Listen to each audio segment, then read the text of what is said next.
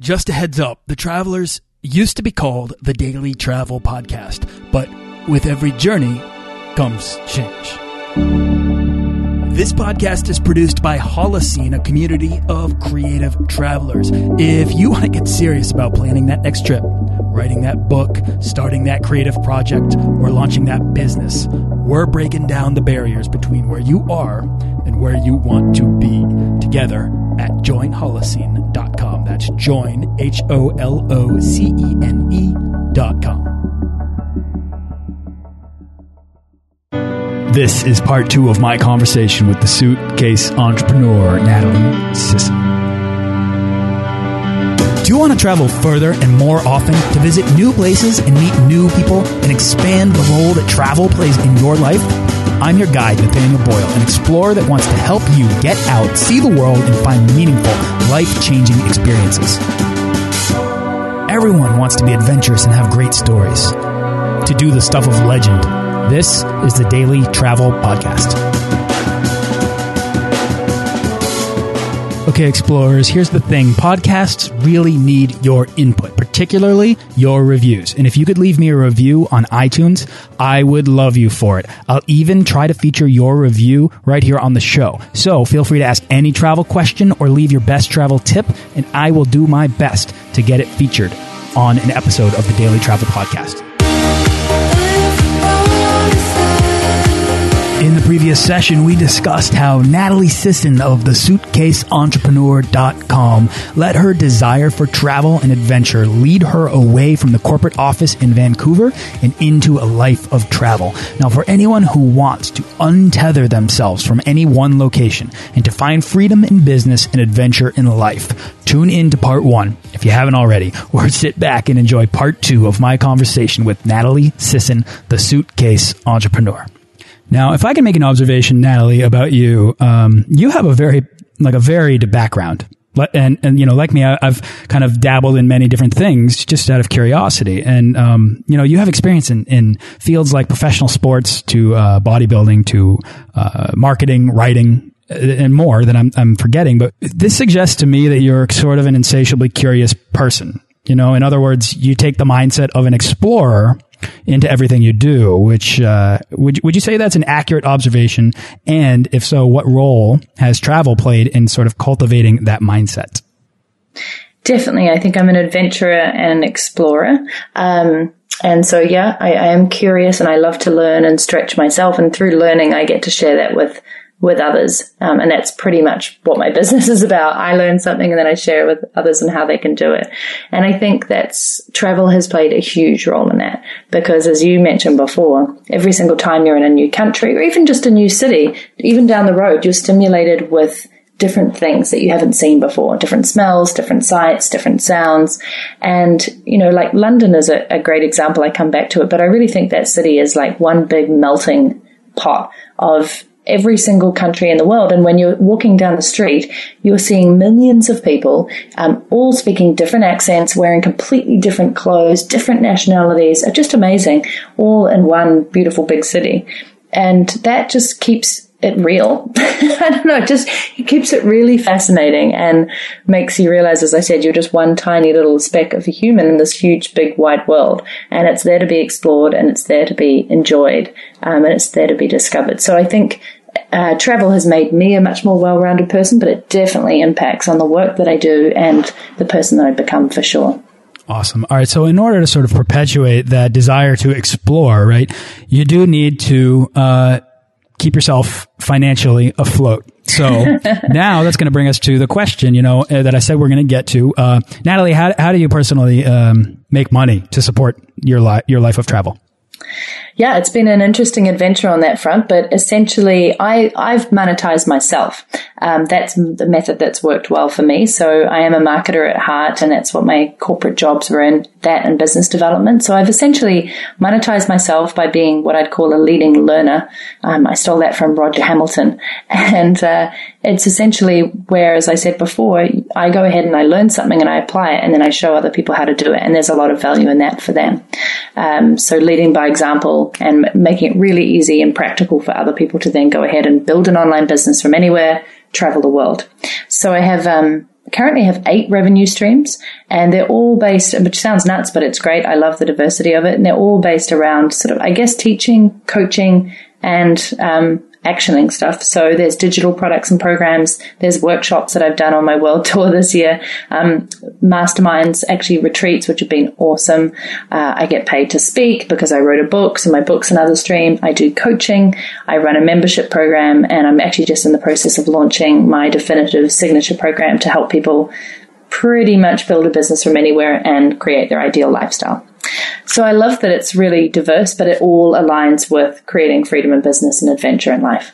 I love it. Well, we will definitely link to all of the things that you are working on, especially that program. If anybody listening is interested in checking it out, um, in the show notes of this this uh, episode. Uh, what if someone is not a natural marketer like like you? Uh, do you do you believe that this is something that anyone can do? That anyone could pick up any one of these uh, eight different revenue streams that you have to sort of get started building a life that allows them to make travel a bigger priority? I'm actually going to say no. Uh, I don't believe it's for everybody, but I do believe that almost anybody can package their knowledge and skills into a product, a program, or service or an offering that will allow them to make money. Um, Uh, combining that with a business on the road is an entirely different thing. and so when I meet people and they're like, Oh, I'd love to be doing what you're doing. I'm like, great. Well, then do it. And if I dig a little bit deeper, I find they often don't really want to be doing what I do at all. In fact, they think the idea of living in a suitcase is terrible, but they want the freedom to be able to do what they want when they want. And that's, that's the thing that I'm passionate about helping people do. So coming back to your question, if you, you don't have to be an amazing marketer, but you do have to be clear on your sweet spot, which is not something that I invented, but I love talking about. So the intersection between what you're good at or really great at, what you actually enjoy doing and what people will pay you for. And I find that people seem to have two of those things usually sorted, but not the third. So they might be, um, excellent at cooking French meals, and their friends really enjoy coming around to their place to have these awesome French meals. Um, and people would actually pay that person to teach them how to do it and make it look easy. So that's like a really easy example of often it's the thing that's right under your nose that you really enjoy doing, but you it comes so easily to you, but you don't think other people would find it valuable. Um, and that took me a while to figure out as well. It's it's not as complicated as people think, and there's always people who are wanting to learn how to be better at something or to be able to do something. And it's quite often that you have that skill inherently, or you've built it up over time. Plus, you have the ability to be able to teach it, coach it, deliver it in some way, and uh, people will pay you money for that. So it's finding that intersection, um, your sweet spot, basically. Do you help people find that skill, or do they usually bring that to you? I do help people find that. I mean, I prefer to work with clients these days who have an idea for what their business is or already have a business and want to take it even further. But I still love working with what I'd call the newbies who are like, ah, oh, I've got a gazillion ideas and I don't know what to do with them uh, because we've all been there and done that. And the hardest thing is just making a choice and sticking with one and actually applying yourself and seeing it through. So that's my biggest bugbear with, with people I work with is, but I have seven different ideas and I'm like, that's great but one of these needs to be put in place and done successfully first. That's my true belief. You cannot work on seven different things and really succeed in all of them until you've mastered one at least baby steps into freedom. uh, exactly. Yeah, one of the things I've found is uh, uh, sort of almost like a repeating message in various forms is identifying that skill that that uh, that you probably already have, and if not, you're very close to, or you could just go and pick up, and you could pack in your parachute so that when you do step out into uh, whether it's a life of travel or just a life spent doing the things that you want to do with more freedom.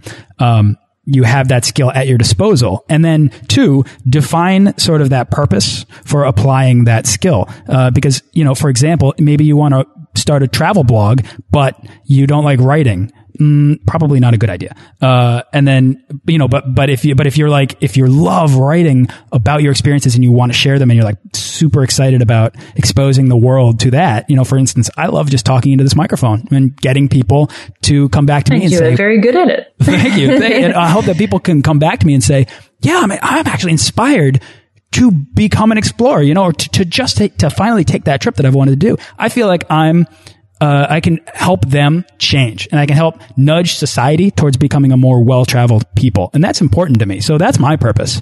And I have a number of skills that kind of I can apply to that. And then finding a way for, for, you know, your, your skill to be something that people or other businesses, maybe that's even better, will pay you for. That's a really tough step, I think, for a lot of people to, um, to really sort of uncover.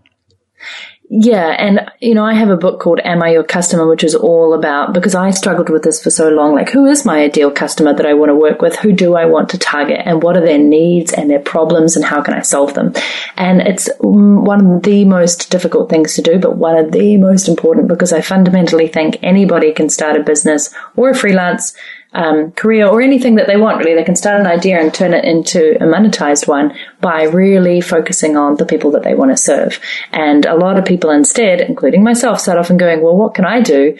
Um, and what do I want rather than what are people crying out for? So yeah, I'm not going to say it's easy at all, but it's a really great challenge and adventure to go on. In some ways, it's much like going on a, you know, a trip.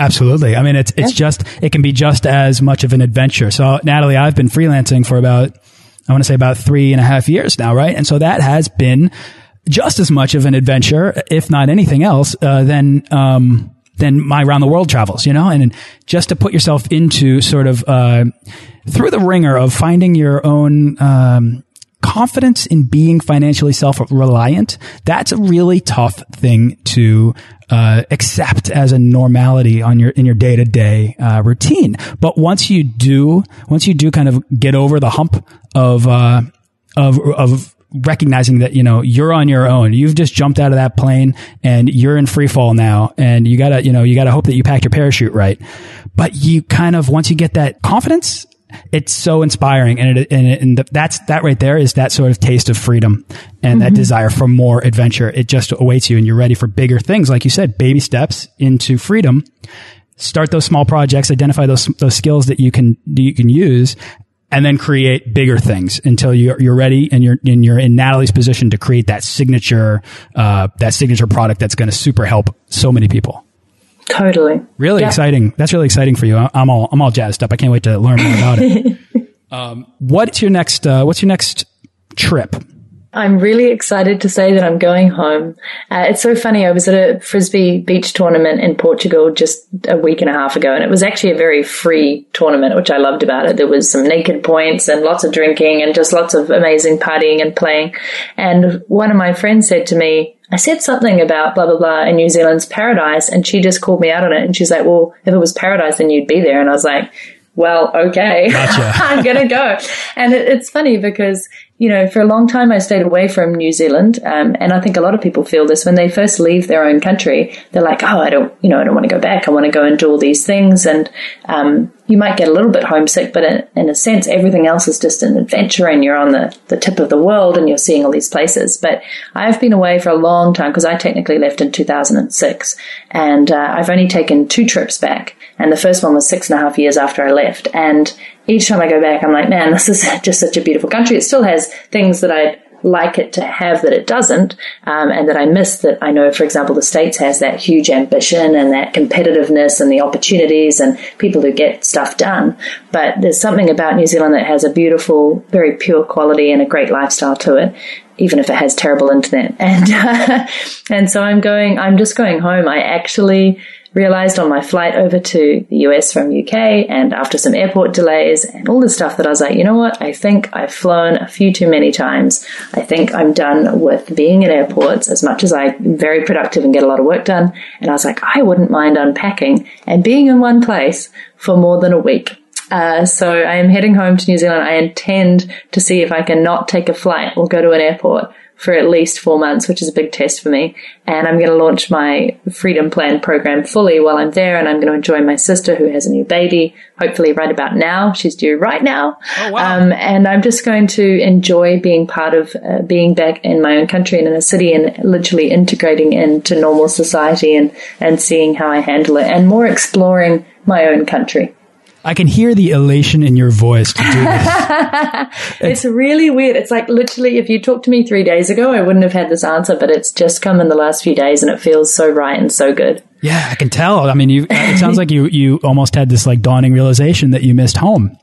Mm. And that's a really big, that's a really big thing. I mean, it's, uh, loneliness, uh, homesickness, these things, they, they are a regular component of travel. Uh, how you deal with them all by yourself internally is a big growing point in, for, for every traveler, I think, at every stage of the game. No matter how, uh, experienced you are, you're going to still feel these things. And it's, it's, it's, it's I, I, just, I like hearing your, uh, your your happiness about about this decision. Um, yeah, and I wouldn't say it's homesickness. It's just this. Yep I want to go home. It's just like now is the time and this will be lovely. And I have plans for travel for next year already. I have some really crazy cool ones, but for longer periods of time, staying in fewer places um, and doing a little bit more of the slow traveling. Because if anybody looked at my itinerary, they just think I'm nuts. Like I'm literally always on the move. and so, yeah, I am elated and it's good that you can hear it in my voice, but I think it's just like, I'm just so excited. Definitely. Well, I'd be curious to hear later, maybe later on, how you deal with sort of the reverse culture shock of of returning, right? And I mm-hmm. often find that so many people feel when they get home, they're sort of unable to feed that addiction to new experiences, that stimulation that has always been there for them on the road. Once you get back, you return to that sort of everyone's definition of yourself and, um, uh, uh and of who you are and their expectation of who you are on a day on a daily basis. And these are the challenges of anybody that's gone out there, traveled and discovered that feeling that they know that they can't go back to ever being the person that they were before they left. So mm -hmm. I'd be curious just to hear about, you know, how you, how reentry is for you, Natalie.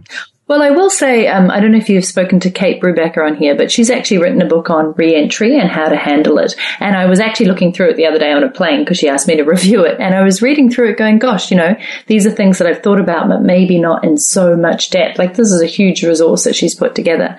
Um, and the last two times that I've been home, I definitely struggled a lot and I'm much more prepared this time. I struggled because, you know, you go home as people probably have done who are listening and people are like, oh, it feels like you just left yesterday and they don't ask you any questions about stuff. I mean, I'm a bit luckier they do ask, but a lot of people don't because they frankly don't know where to start. They haven't really realized you've been away and they can't even begin to explain or understand every experience you've been through. So I know now to surround yourself with people who have recently been traveling, to make new friends, to reach out to different communities, and to not expect everybody to be interested in what you've done, and to just um, give it time and, as I said, reintegrate slowly and, and look for the joyful things and your new surroundings. So I'm, I'm much more prepared on this one.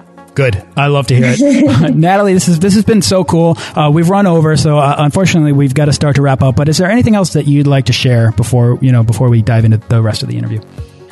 Just make life one big adventure. Like every single morning that I get up, I just feel so blessed to be able to do what I do. But I'm also still, as you said, curious to go out and explore. So never ever stop wanting to learn or explore or adventure. I love that. All right. Uh, Natalie, wh uh, what's exciting you the most right now?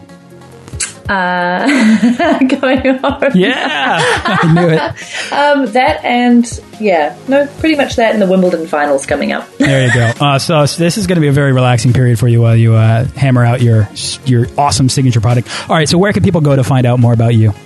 They can find me all over social media. I'm a social media whore. Um, but suitcaseentrepreneur.com is a great start and to say hello on Twitter at Natalie Sisson, on Instagram at Natalie Sisson. I'm pretty much everywhere. So if they say hello, that would be great. Amazing. All right, Natalie, thank you so much for coming on the show. Good luck with everything. Uh, have a have a wonderful homecoming, and uh, hopefully, I'll run into you out there uh, on the road somewhere. I hope so. That'd be great. Thanks for listening to this episode of the Daily Travel Podcast. For show notes and links to everything in this episode and more, head on over to dailytravelpodcast.com. Join our Facebook page of explorers and subscribe to our newsletter for the best deals and resources to help make your next trip life changing.